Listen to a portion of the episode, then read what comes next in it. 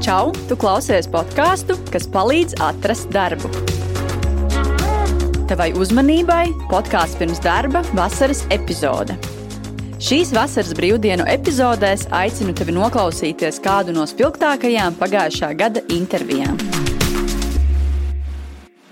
Es sarunāšos ar Kristīnu Mitroni, kur pēc 20 gadiem darba ārzemēs ir atgriezusies dzimtenē un mēģināsim atrast pareizo pieju darba meklēšanai Latvijā. Sveika, Kristīna! Labdien!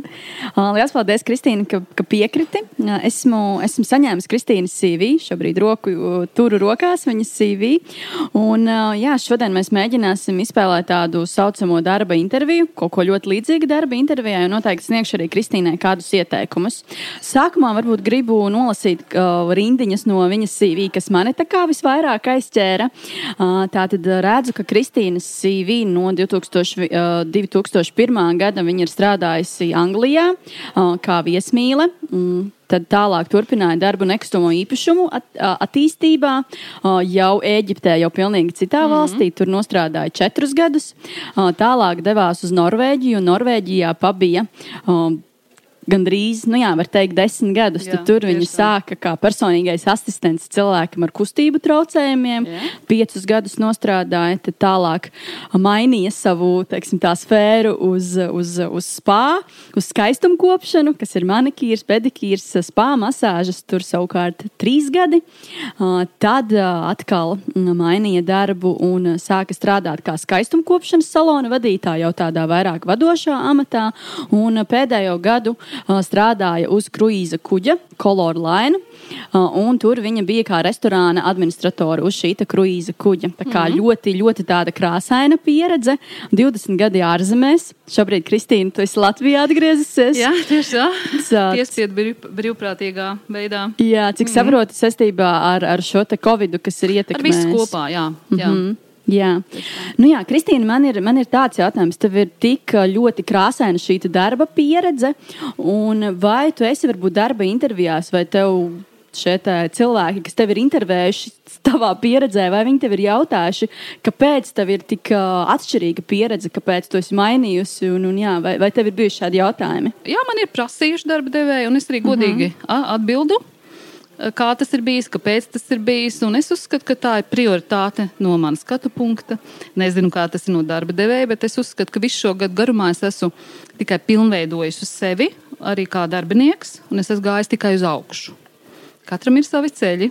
Tāds bija mans. Vai darba devēji ir izteikušies negatīvi par šo savu krāsaino darba pieredzi, tā var teikt? Nu, man ir grūti pateikt, es Latvijā esmu ļoti neilgu laiku, tagad trīs mēnešus. Jā aktīvi meklēju darbu tikai divus mēnešus. Man ir ļoti niecīga pieredze. Es tik daudz gadus neesmu bijis Latvijā. Es īsti nesaprotu šo vidi. Es nesaprotu, kā strādā šīs attiecības starp darba devēju un, un, un darbinieku šeit, Latvijā. Man ir pieredze nulle vienkārši. Ja? Un man arī jāsaprot, kā tas, kā tas notiek šeit. Bet tas, ko es redzu, mm, ejot uz darba intervijām, kuras man ir bijušas, man bijuši ļoti labi darba piedāvājumi. Šeit, Latvijā. Šeit, Latvijā. -huh. Es domāju, viņi nesaka, viņi tieši man neko nesaka.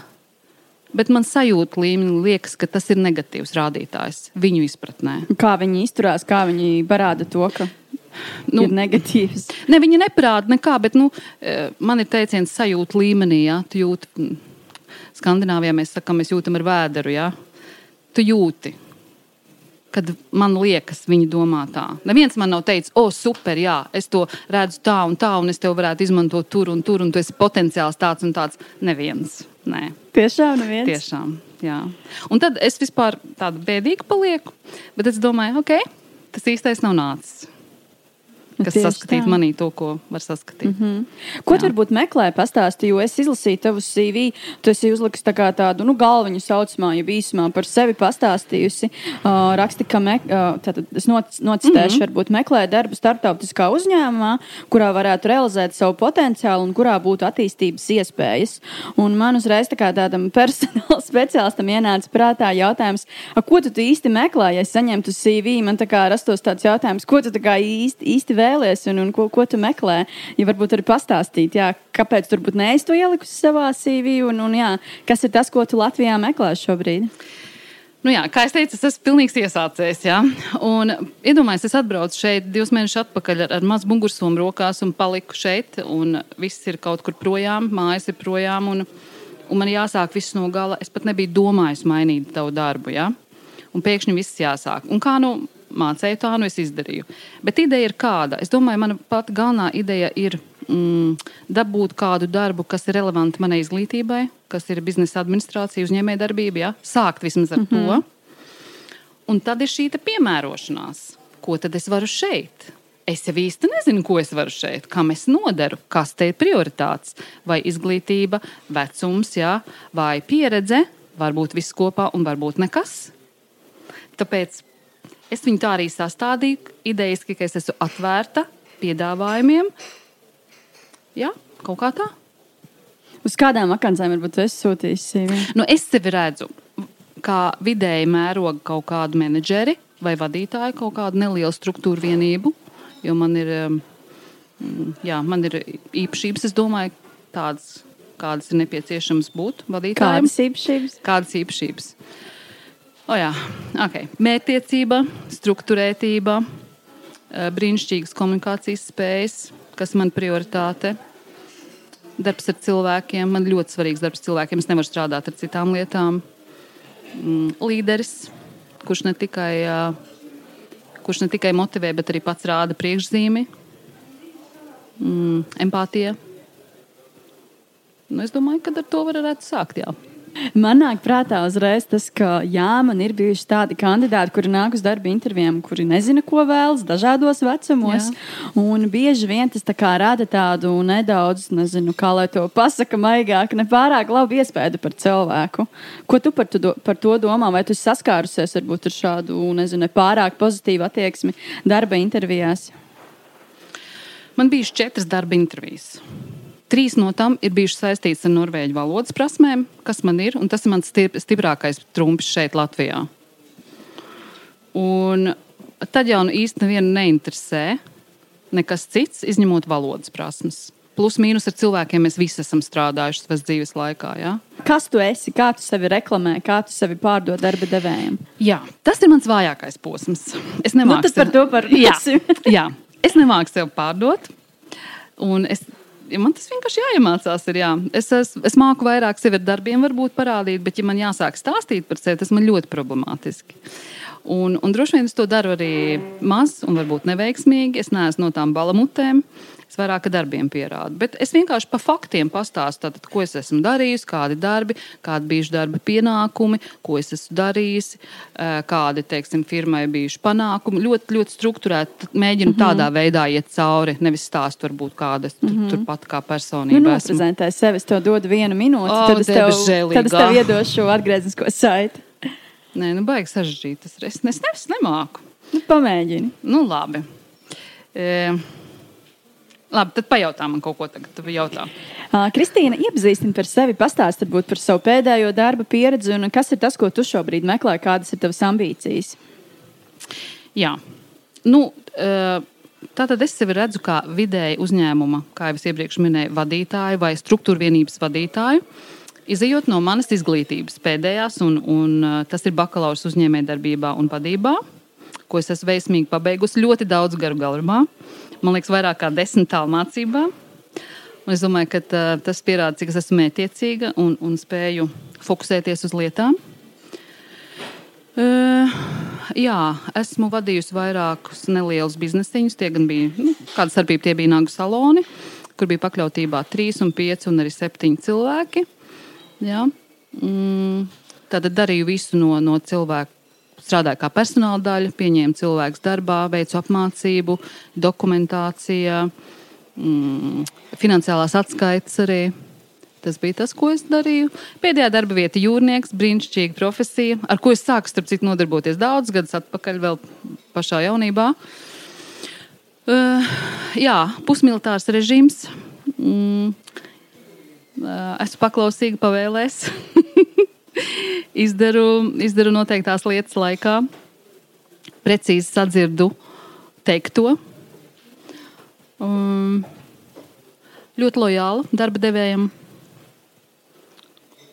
Jā, paldies, ka noprezentēji sevi. Ko es, ko es varu tev ieteikt? Noteikti esi tā kā vairāk pārliecināti par sevi, noteikti vairāk sevi lieli, jo nu, kurš tad tevi lielīs, ja ne tu pati? Uh, minēju šo nagu salonu, nezinu, varbūt to var kaut kā, kā to pateikt, skaistāk pateikt, tur nezinu, spā salona direktore. Nu, kā, piemēram, LinkedIn profils. Tu esi? LinkedIn es sāku precīzi mēnesi atpakaļ. Esmu divus ierakstus veikusi, bet es viņu neesmu izpētījis. Un, godīgi, īsti nesaprotu, kā viņš vēl, vēl strādā. Bet es esmu ceļā uz to. Un ar to es jau apgūstu. Jā. Kāpēc es pieminēju LinkedIn profilu? Tāpēc, ka LinkedInā bieži vien mēs sevi pozicionējam tur, no, nezinu, kā lai to pasaka, nu, tā augstāk nekā mēs esam īstenībā. Un tāpat arī darba intervijās, attiecīgi, tev ir nu, jāstāsta par sevi, ka tu esi. Ka tu esi... Viss tas pats tikai skaistāk ietērpts. Nu, jā? Nu, jā, tieši tā, jā. tieši tā. Jā. Es to dzirdu un saprotu, bet es gribu pateikt, ka redz, tā lielākā atšķirība starp to Skandināviju un starp šejienes ir tā, ka tad, kad tu ej tur uz darba interviju, jā, tev pilnīgi nekas nav jāizskaistina.